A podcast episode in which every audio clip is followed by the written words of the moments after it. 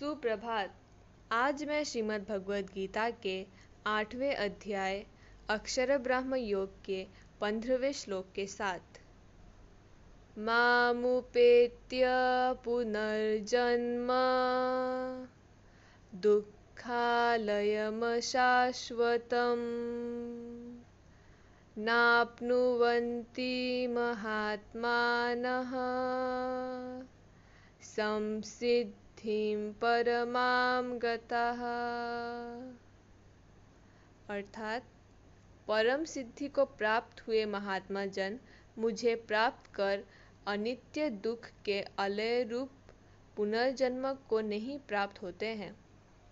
इस श्लोक में भगवान श्री कृष्ण कहना चाहते हैं कि जिस दर्शन में ईश्वर, भगवान, परमात्मा सर्वोपरि है ऐसी मान्यता है कि उस दर्शन के अनुसार चलने वाले लोग सर्वथा भगवान से संबंध जोड़ करके मुक्त हो जाते हैं और अपने अंश की स्वीकृति के साथ उनको परम प्रेम की प्राप्ति होती है और परम प्रेम की प्राप्ति से उनको प्रतिक्षण वर्धमान आनंद मिलता है।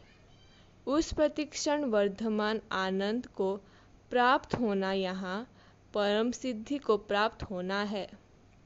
ऐसे योगी महात्मा भगवान को प्राप्त कर परमात्मा में लीन हो जाते हैं और उनका पुनर्जन्म नहीं होता है।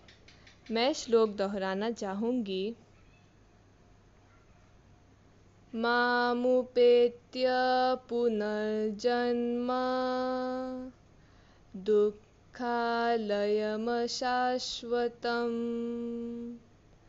नाप्नुवन्ति महात्मानः।